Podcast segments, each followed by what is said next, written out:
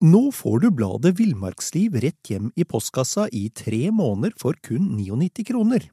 I Villmarksliv kan du lese om norsk natur, ærlige tester av klær og utstyr, og mange gode turtips skrevet av erfarne friluftsfolk, fiskere og jegere. Send SMS VILL36 til 2205 og motta bladet allerede neste uke. Lev livet villere med bladet Villmarksliv. Many of us have those stubborn pounds that seem impossible to lose, no matter how good we eat or how hard we work out. My solution is PlushCare. PlushCare is a leading telehealth provider with doctors who are there for you day and night to partner with you in your weight loss journey. They can prescribe FDA-approved weight loss medications like Wagovi and Zepbound for those who qualify. Plus, they accept most insurance plans. To get started, visit plushcare.com slash weight loss. That's plushcare.com slash weight loss.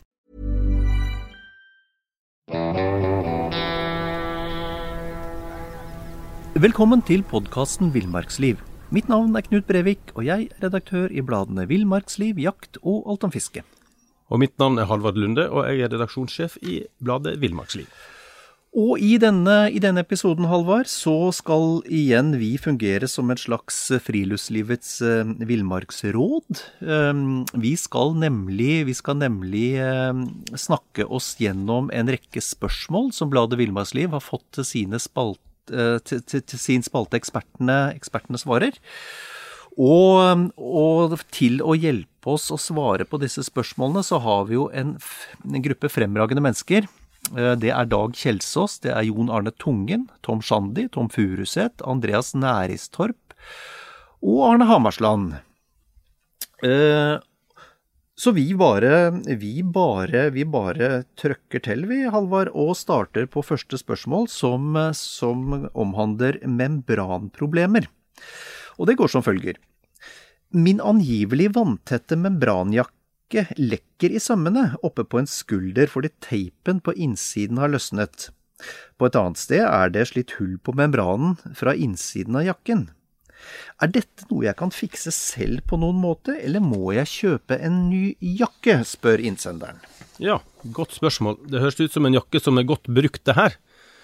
Ja, hvis den ikke er godt brukt og er ny, så skal den gå tilbake til butikken og klage. Det er det første den skal gjøre. Men eh, er det en gammel jakke, så kan du fikse det sjøl. Det fins en del sånne gjør det selv-reparasjonssett som inneholder lapper av ulike størrelser, som er lett å bruke til dette formålet.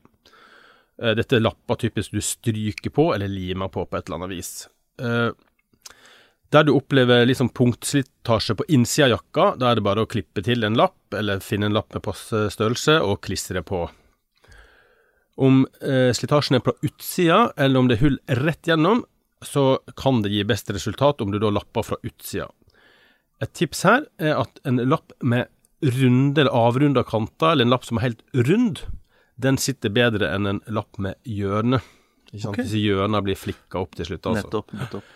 Uh, og så er det også verdt å merke seg at enkelte produkt er tiltenkt innsida, og andre er tiltenkt utsida. Så det bør en lese på bruksanvisningen. da. Ja.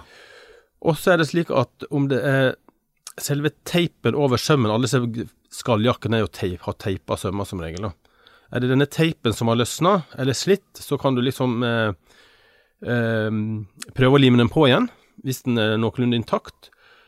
Hvis den er helt sånn oppflisa, så er det bare å klippe den vekk, og så, og så finne en lapp eller noe sånt, og så lime over da, som, som et vanlig hull. Eh, det som er greit, og hvis du bruker lim, så er det greit at du bruker et lim som er tiltenkt formålet, sånn at det, det ikke blir et stivt og ekkelt punkt på jakka. Eh, og at den ikke da blir et sånn punkt der fukten ikke slipper ut, da. Og i dag så tilbyr jo også flere utstyrsprodusenter både reparasjon av denne typen uh, utstyr, eller jakker, og så reimpregnering til en veldig fin pris. Eh, faktisk så finnes det av og til de har sånne kampanjer der du kan levere inn jakka og få den reparert gratis òg. Det har jeg opplevd en gang, så det er fantastisk. Da blir selvsagt eh, resultatet veldig bra, og ofte nesten godt som ny. Og det er jo flott, fordi dette er jo ofte ikke billige produkter. Så, så det, hvis, du, hvis du slipper unna med en lapp eh, kontra mange tusen kroner, så vil jeg tro det var grei butikk for de fleste av oss. Absolutt. Mm. Da skal vi gå på et nytt spørsmål, og det handler om å dele likt. og det, vår leser spør om det, at han i årenes løp så har han vært på en rekke fiske- og jaktturer med forskjellige folk. Eh, noen så ivrer da på å dele fangsten likt, andre ikke. Selv så mener denne leseren at eh, den som er flink og står på, ikke nødvendigvis skal måtte dele med andre som da ikke gjør en like god innsats. Eh, enkelte gjør da lite ut av fiskinga og jaktinga, og fortjener ikke å få likt med seg hjem, som den som er ivrig, mener nå denne personen. da. Mm. Hva er det våre eksperter i villmarkslivet mener om den saken? Ja, dette er jo en sånn klassisk problemstilling, tenker jeg, fra, fra spesielt uh, småviltjakt og, og, fiske. Dette med fordeling av bytte. og um, når, vi, når, vi, skal gi, nå gi et svar, så skal vi se bort fra storviltjakta. For der er det snakk om ganske store verdier og, og, og store krav til organisering, og der er også fordelinga eh, eh, helt, helt, lik, mm. naturligvis. Um, men, men, men um, når vi da ser bort fra storviltjakt, da, uh, forholder oss til bare, bare fiske og, og, småviltjakt, så er det lett å være enig med innsender i at um, de som ikke tar jakt- eller fisketuren så veldig alvorlig, og ikke legger inn så mye innsats, kanskje ikke skal ha like stor del av utbyttet uh, som den som, som, yter mye mer, da. og jeg, jeg, tenker sånn, sånn, sånn, sånn helt grunnleggende så dreier jo dette seg om en avklaring av forventninger. Uh, og, og, det bør du eh, strengt tatt ha gjort før du, før du reiser ut. Før, altså, hvis, hvis, dere ikke snakker om det, og dere er flere på laget, og én har en forventning om at den som fisker fisken, får den, eller den som skyter rypa, får den, mens de andre har en forventning om at her skal vi dele alt fordi vi er en kompisgjeng på tur, mm. så er det duka for trøbbel. Så jeg tenker det viktigste er, er å, å, avklare forventning. Når det, når det er sagt, da, så, så, tenker jeg også at uh, jeg syns det er veldig eh, for, Eller for å si det på en litt annen måte, da. Er, jeg har jo vært med mange, mange ulike jaktlag ut opp gjennom åras løp og på fisketurer osv. Og, så og et gjennomgående trekk er at de som får mye fisk eller mye vilt, ikke er fullt så interessert i at det skal være deling, som de som ikke får. Men jeg må si personlig syns jeg det er mm, kanskje mest sympatisk hvis man reiser en kompisgjeng på fisketur øh, eller, eller småviltjakt, at man foretar en eller annen slags deling av byttet i etterkant. Det gir god stemning. Det er forutsigbart. også for superjegerne og superfiskerne bare ha meg unnskyldt. Jeg vet at de aller helst vil sitte på resultatet selv, men jeg syns det er det mest sympatiske. Men, men igjen, viktigste avklar forventninger. Greit. Da Men et, har Et, et oppfølgingsspørsmål ja. der, Knut. da. Det fins jo jaktform der, der, du på en måte folk bidrar på en eller annen måte. Ja. Altså ved å stykke opp, eller ved å bære, eller andre ting, da. Ja. Der er det kanskje mer naturlig å dele, da. Ja, opplagt. Opplagt. Altså, jeg, jeg, tenker jo sånn ideelt sett, alle som bidrar inn i en fellesaktivitet, syns jeg har et moralsk krav på noe resultat. Mm. Og det enten man støkker eller man skyter. Uh, men igjen, det er, det er, jo min høyst personlige oppfatning. Men jeg syns at, at, det blir den mest trivelige jakta, hvor man, hvor man er, er, enig om å, om å dele. Uh, og så er det men, men, da beveger vi oss litt over på Eh, på spissfindighetene her, men det er klart at hvis det er f.eks. et jaktlag da, som det er fire-fem jegere, så er det én som har hund, og som har en masse utgifter på det med, med den hunden i løpet av året. Det er fôr, og det er trening, og det er vaksiner, og det er Ikke sant? Da er det ikke helt urimelig om vedkommende blir eh, tildelt en noe større del av utbyttet enn de andre, mm. hvis alle er enige om det. Ja. Hva med litt spesielle arter, da? Altså hvis du får én fin tiur, f.eks.? Ja, begynne å dele opp en tiur, den, det har jeg eh, ikke noe særlig jeg, jeg, mener vel egentlig da at eh, Men det er et godt spørsmål. Men eh, hvis man f.eks. skulle skyte en tiur, da, så, så, så, tenker jeg at da bør skytteren få den. Ja. Altså istedenfor å begynne å dele opp disse brystfiletene. ja. Men igjen, igjen, igjen, så lenge folk er enige om det på forhånd, tenker jeg så er det ikke noe grunn til å være uenig i ettertid. Greit. Da beveger vi oss fra fordeling av bytte på tur til et spørsmål om vanntette ryggsekker. Og det innsender her, her skriver er følgende. Når jeg er ute på tur, blir ofte det jeg har i sekken vått. Dette er selvsagt ikke særlig lurt, eh, spesielt ettersom jeg ofte sykler med sekk til og fra jobb, med PC, iPad og med mobiltelefon i sekken. Det er heller ikke greit at friluftsutstyret blir vått. Det jeg lenge har lurt på er hvorfor det ikke finnes helt vanntette ryggsekker. Ja, godt spørsmål.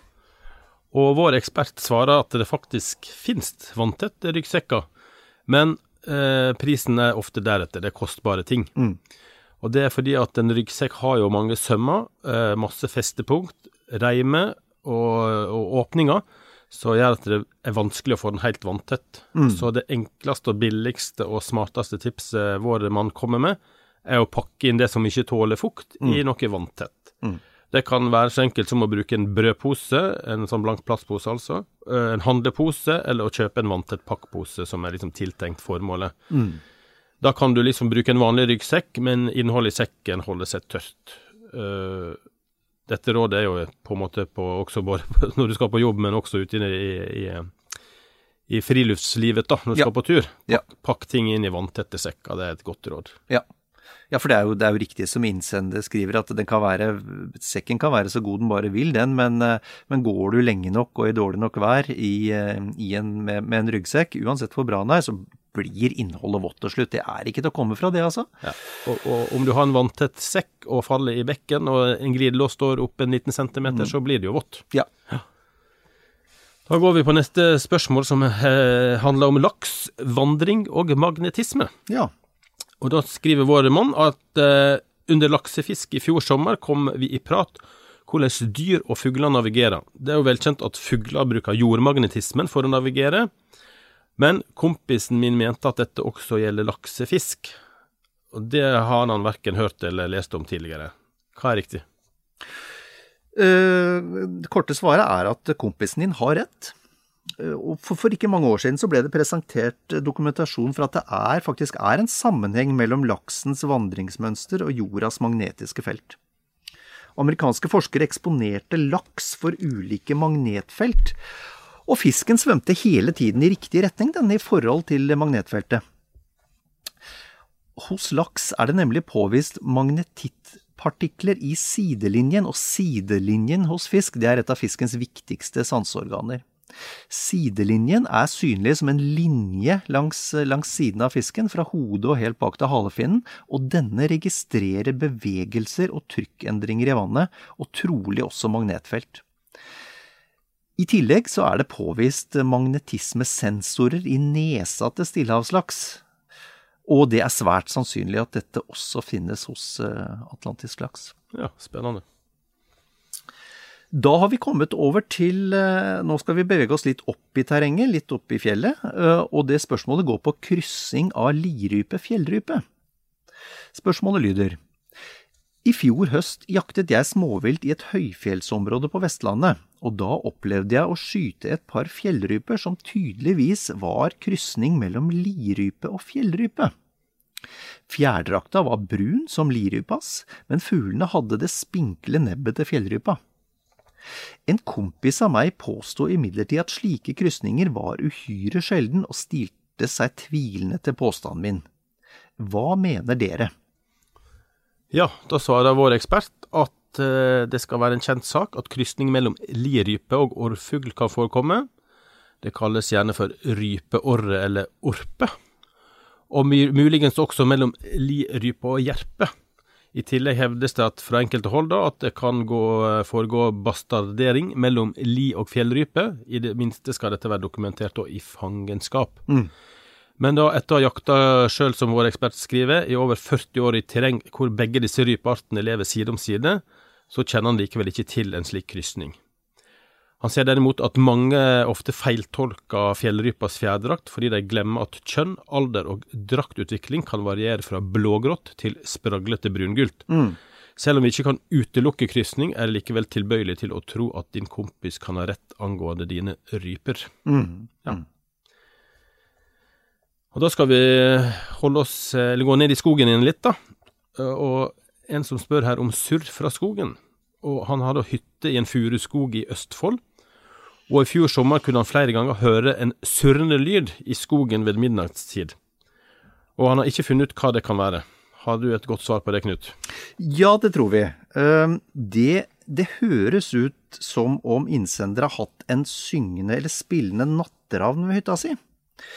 Det er en, en særpreget fugl som, som, er noe helt for seg sjøl. Natteravnen er en ehm, insekteter som kommer fra tropisk Afrika i slutten av mai. Nå får du bladet Villmarksliv rett hjem i postkassa i tre måneder for kun 99 kroner. I Villmarksliv kan du lese om norsk natur, ærlige tester av klær og utstyr, og mange gode turtips skrevet av erfarne friluftsfolk, fiskere og jegere. Send SMS VILL36 til 2205 og motta bladet allerede neste uke. Lev livet villere med bladet Villmarksliv. Mom deserves the best, and there's no better place to shop for Mother's Day than Whole Foods Market. They're your destination for unbeatable savings, from premium gifts to show-stopping flowers and irresistible desserts. Start by saving 33% with Prime on all body care and candles. Then get a 15-stem bunch of tulips for just $9.99 each with Prime. Round out Mom's menu with festive rosé, irresistible berry chantilly cake, and more special treats. Come celebrate Mother's Day at Whole Foods Market. Den kan sitte på samme plass og surre time etter time, nesten som en rock. Insekter det fanger den ved å fly rundt i furuskogen med vidåpent gap. Um, så det, og, og, og der, der, gafler den altså i seg nattfly, nattsvermere, oldenborrer og, og tordivler. Ja. Så, så, helt klassisk eh, natteravnoppførsel der, altså. Åpenbart. Ja. Ok, nå er vi over på det intime, Halvard. Ja. Det er, jo, det er jo alltid litt foruroligende, men i hvert fall spørsmålet, som, spørsmålet går på kroppsvask på tur. Og spørsmålet går som følger.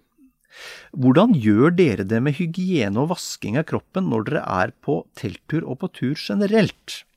Det kan jo være litt vanskelig å få til dette i praksis. Vi ser jo aldri at Lars Monsen vasker seg, skriver innsender og spør avslutningsvis hva er lurt?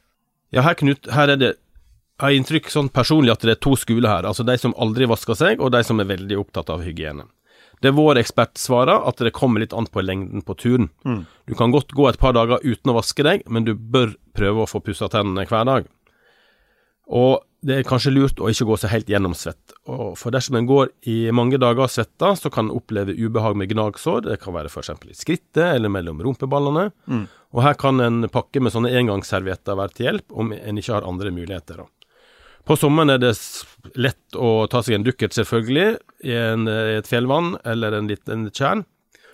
Og det er alltid lurt å ha to sett undertøy, slik at en går i ett sett som er møkkete, og da på kveldstid tar på seg et som er tørst og rent. Mm, mm. På den måten får huda di pusta ut og tatt seg litt inn mellom slaga. Mm. Og på vinteren så går det an å vaske seg med litt snø. Ja, ja. For det, jeg, bare sånn for å føye til eh, der, jeg, jeg tenker at det er vanskelig hvis du skal ut på, på, på tur, enten den er kort eller lang. Eh, så, så, er det vrient å unngå at man blir gjennomsvett. Og sånn personlig så syns jeg enten, enten jeg er ute bare en, en, en par dager, eller skal ligge ute f.eks. ei uke på jakt, så sørger jeg for å, å få uh, skylt føtter, vaska føtter, hvis det er uh, gjerne daglig. Uh, og vaske seg i, i, skrev og, og, ja, og, under armer og sånn. Og det bør du nesten gjøre. Jeg syns man bør gjøre det daglig, fordi det blir veldig, veldig fort, som, som, som, du var inne på, det blir veldig, veldig fort gnagsår. Hvis du, ikke, hvis du bare går dag etter dag. Mm. Og en flere sammen, så blir det jo litt sånn triveligere i teltet og Definitivt. Ja. Da skal vi snakke om eh, harelort. Det er liksom der vi er nå! ja. og da er det en som har sendt inn et spørsmål om at han er ivrig harejeger. Og eh, da finner han masse av disse eh, runde hareekskrementer. Ja. Men så var det en som spurte han da om han visste om haren også har en annen type ekskrement. Og da ble han svar skyldig. Mm, mm. Eh, har haren to former for eh, bæsj, for å si det sånn? Ja, Det, det, er, det, er, riktig, det. Det er ikke bare tull og tøys. For haren den gir fra seg to typer ekskrementer. Eh, men det er bare én av disse du finner igjen i naturen. For den, eh, dette er en sånn nesten litt sånn, nesten litt sånn bisarr fortelling, men, men, eh, men, den andre ekskrementtypen, den spiser nemlig haren opp igjen med en gang. Du venn. Ja. Um, fordi maten til haren, den består, består jo eh, tider av året av tungt fordøyelige kvister. Og, og, da, når den må spise 500 gram kvist i døgnet for å, for å, få i seg nok energi, så blir det naturligvis en del, en, en del avføring også. Og den fiberrike, ufordøyelige kvisten passerer forholdsvis raskt gjennom tarmene og kommer ut igjen som små sagfliskuler. Den fordøyelige delen av kvisten den går derimot rett inn i den opptil halvmeter lange blindtarmen som står for det meste av fordøyelsen. Og, og hos haren i, i, i blindtarmen finnes en rekke mikroorganismer og enzymer som brytes ned til næringsemner som haren kan suge opp gjennom tarmveggen. Det her blir litt teknisk, merker jeg, mm. men vi, vi, må gjennom det. Og for at fordøyelsen skal bli mest mulig, eh, mulig effektiv, så har haren i tillegg en slags drøvtygging. Den spiser nemlig blindtarmsavføringen med en gang den kommer ut uh, igjen. Derfor ser vi den aldri i naturen. Denne avføringen er rik på ulike vitaminer, spesielt B-vitaminer, og har tre–fire ganger så mye proteiner som det opprinnelige fôret. Disse ekskrementene lages gjerne når den sitter i dagleiet sitt, og, og denne type atferd, eh, som, eh, som, som, ikke er helt ukjent i dyreriket, det kaller vi for koprofagi. Ja. Eh, vi, vi skal bevege oss over mot, mot skogen, vi igjen, og spørsmålet er hvor finner jeg jerpa? Innsenderen skriver en nær bekjent av meg har en skogseiendom hvor han har sagt jeg kan få lov til å jakte jerpe. Han sier at en eldre kar som i sin tid bodde på stedet, skjøt flere av disse fuglene hvert år. Selv har jeg knapt sett ei jerpe, og lurer litt på hvordan jeg skal gå fram for å finne dem. Ja, og da svarer vår mann her i ekspertpanelet at eh, dersom man ser bort fra kyllingperioden, så er jerpa veldig stasjonær. Mm. Eh, Hannfuglen har sitt eget lille revir på noen få hektar, der den i perioder av året ofte har følge med ei jerpehøne. Og hvis biotopen da er ideell, så overtar sannsynligvis en ny fugl temmelig raskt når den, denne her da blir skutt eller dør på andre måter. Ja. Uh, og hvis skogsterrenget som denne innsenderen nevner ikke er rasert av hogst eller lignende, så bør du kunne finne igjen området der den forrige jegeren opererte. Dette er fordi at jerpas krav til miljø avslører mulige oppholdssteder. Den vil helst ha det litt småkupert, tett granskog med lett blanding av løvtre og særlig ord. Mm. Vanligvis er det en type bekkedal, en annen form for fuktig, fuktighet i jerpelokaliteten, antagelig fordi de um, orrtreet trives best der. da. Mm. Og I dag så skyter jerpa stort sett som en bonusfangst under andre, annen form for jakt, og lokking med fløyte skal være den mest effektive forma. Mm. Men denne metoden har mange steder bidratt til en altfor hard beskatning av bestanden. For å ta vare på denne fascinerende og vakre fuglen i faunaen vår, er det derfor viktig at vi som jegere viser ansvar og måtehold, skriver vår ekspert. Og det er vi så enig i. Akkurat jerpe er, er jo kanskje den en av de aller mest godtroende fuglene vi har. Eh, så der, hvis man ikke viser, viser, noe begrensning eller har noe måtehold, så kan du skyte ut et helt kull. altså Det er ikke ja. noe problem. Så, så, der tenker jeg det er helt riktig. Der skal, vi, der skal vi vise måtehold, eventuelt ta en fugl, og så la det resten være. Ja. Da skal vi over på et nytt spørsmål som handler om eh, dårlige gummistøvler. Og en innsender skriver her at han bruker ofte gummistøvler under både jakt, fiske og turer i skog og fjell. Og det som irriterer veldig, da, er at dagens gummistøvler ser ut til å være dårligere enn de han hadde for 20-30 år siden. Et par støvler varer kanskje bare én eller to sesonger. Mm. Eh, noen får hull under selve sålen, andre krakulerer og sprekker opp. Og da er spørsmålet er moderne gummistøvler dårligere enn før? Det vi i hvert fall helt, eh, helt klart kan si, er at innsenderen er ikke den eneste som har erfart at mange av dagens gummistøvler har begrensa levetid.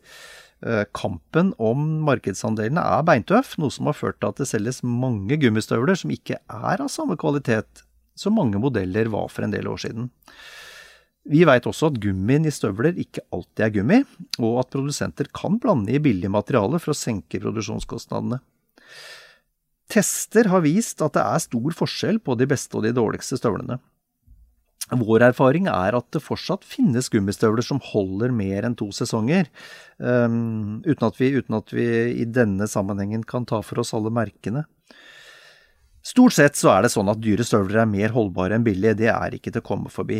Det, det, man også bør tenke på er at støvlene holder lenger om de oppbevares mørkt og kjølig. Støvlene de har heller ikke godt av å bli tørka ved sterk varme, sånn at du kan si når du har brukt dem, så er det en fordel Altså ikke la dem stå ute i sola, da. Og ikke la dem bli stående på et varmt, oppvarma gulv i et sånn teknisk rom. Sett dem, sett dem mørkt, mørkt, og kjølig. Så har du støvler lenger, for det er klart at uansett, uansett graden av gummi i, i støvler, så, så, er dette materialet som slites over tid. Sånn at mm. det er ikke sånn at Det, det tenker jeg er greit, no, noe var bedre før, men, men, det er ikke sånn at du har, du har støvler i 10-15 år om du kjøper et par gummistøvler, altså. Det er ve veldig mange regner egentlig ikke med en levetid på mer enn et, et, et par sesonger på gummistøvler. Så, så man skal ikke ha altfor høye forventninger, men, men, du kan ha dem litt lenger hvis du, hvis du opp oppbevarer dem eh, og tar vare på dem ordentlig. Ålreit, da skal vi over på et spørsmål om telt eller tarp. Det går som følger. Vi har en gutt på 13 år som ønsker seg tarp. Han har vært med en kompis på noen overnattingsturer i en slik, og synes dette er en bra løsning. Av egen erfaring prøver jeg å overtale ham til å bruke telt, da jeg mener det er sikrere. Vi er blitt enige om å satse på det dere anbefaler, og er derfor litt spent. Da svarer vår ekspert at han ikke vil svare bombastisk verken på det ene eller andre, men at han sjøl bruker telt på 70% av turene, og stort sett alltid på turer over lang tid. Eh, det som er poenget, er at eh, det beste er kanskje å velge begge deler. Ja. Eh, det blir selvfølgelig litt dyrere, men eh, kanskje denne, denne, gutten her oppe på 13 bør få mulighet til å teste ut begge deler. Mm. Uh, og det er veldig hyggelig at en gutt driver med friluftsliv, så kanskje han skal få sjansen til det. da. Og bruksområder for tarp og telt overlapper hverandre litt, mm. men i noen tilfeller så er jo telt absolutt den beste løsninga, eh, mens tarp fungerer kanskje bedre i andre. Så skal vi oppsummere her litt, da, så kan vi si at et telt det er for det første myggtett. Mm. Det er vanntett. Og det er ikke uvesentlig. Nei. Og det er vanntett når det er skikkelig dårlig drittvær, og det er vindtett. Mm. Og komplett da med innertelt og yttertelt og alt godt satt opp, så er det jo varmere òg enn å ligge bare under en tarp. Mm. Tarp har en fordel med at den er veldig lett, den tar liten plass i sekken, og du får direkte utsyn, da. Om du har et bål eller en fin utsikt, så, så i et telt så er du litt mer innelukka, da. Mm. Uh, tarpen trenger jo også gjerne trær for å henge opp, så klart skal du over tregrensa, så er jo telt som teller, hvis ikke du skal sove under åpen himmel. Ja. Så her må man uh, være som Ole Brumm, si ja takk til begge deler, og vurdere kanskje litt sånn turens beskaffenhet, da. Skal ja. du på tur i fint vær og i, under tregrensa, fint med tarp. Skal du i dårlig vær eller over tregrensa, så er det telt. Ja, ja. ja. Og det fine med, fine med tarp, og du kan jo begynne med en billig presenning fra Biltema, altså, og teste ut det først. Kosta 29 kroner eller noe sånt. Ja, vet du hva, jeg har ligget under, jeg, jeg har ligget under masse eh, presenninger. Ja. Eh, det, ja, det er som du sier, for en femtilapp så får du, ja, si, si en hundrelapp da, da får du i hvert fall en, en brukbart stor presenning. Og så mm. har du med litt snorer, så har du en helt fremragende tarp til, til enkel bruk. Ja. Og det som er fint med en tarp, er at den er jo fin å ha hvis du skal ligge i ro i flere dager, så ha den over liksom uh, uteplassen, da. Ja. Så du slipper at du blir våt om det drypper litt eller sånt. Ja. Et annet tips er jo at en del sånne nye, flotte, moderne telt, de har jo åpninger sånn at du kan åpne hele fronten. Ja. Og da får, du, da får du litt av begge deler, egentlig. da. Du får ja. utsikt, og du får uh, myggtett hvis du trenger det. Ja. Så dette er løsbart, tenker jeg. Ja, absolutt. Da skal vi over til gjedda og en som har spørsmål om gode gjeddekroker. Og ja. da er det en som fisker masse etter gjedde, og både med, med agn både fra isen og fra land, og båt. Og han har brukt kroker han ikke er fornøyd med. De er sløve, de bøyer seg lett, eh, og når han da får, spesielt når han får tilslag på stor fisk. Så han spør etter tips til gode kroker som, eh, som han kan bruke, og hvor store disse krokene bør være. Mhm. Og her svarer vår, eh, vår ekspert krokstørrelse under meitefiske bør alltid tilpasses etter hvor stort agn du fisker med.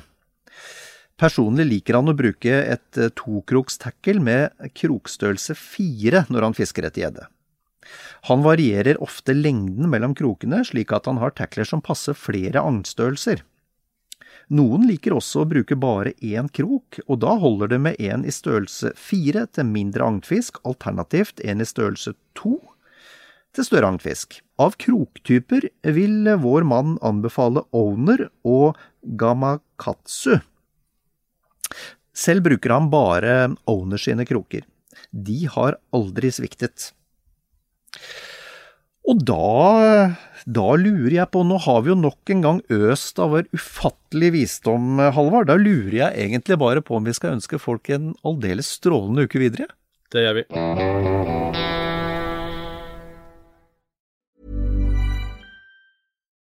Nå får du bladet Villmarksliv rett hjem i postkassa i tre måneder for kun 99 kroner. I Villmarksliv kan du lese om norsk natur, ærlige tester av klær og utstyr, og mange gode turtips skrevet av erfarne friluftsfolk, fiskere og jegere. Send SMS VILL36 til 2205 og motta bladet allerede neste uke. Lev livet villere med bladet Villmarksliv. Mom deserves the best, and there's no better place to shop for Mother's Day than Whole Foods Market. They're your destination for unbeatable savings, from premium gifts to show-stopping flowers and irresistible desserts. Start by saving 33% with Prime on all body care and candles. Then get a 15-stem bunch of tulips for just $9.99 each with Prime. Round out Mom's menu with festive rosé, irresistible berry chantilly cake, and more special treats. Come celebrate Mother's Day at Whole Foods Market. Planning for your next trip?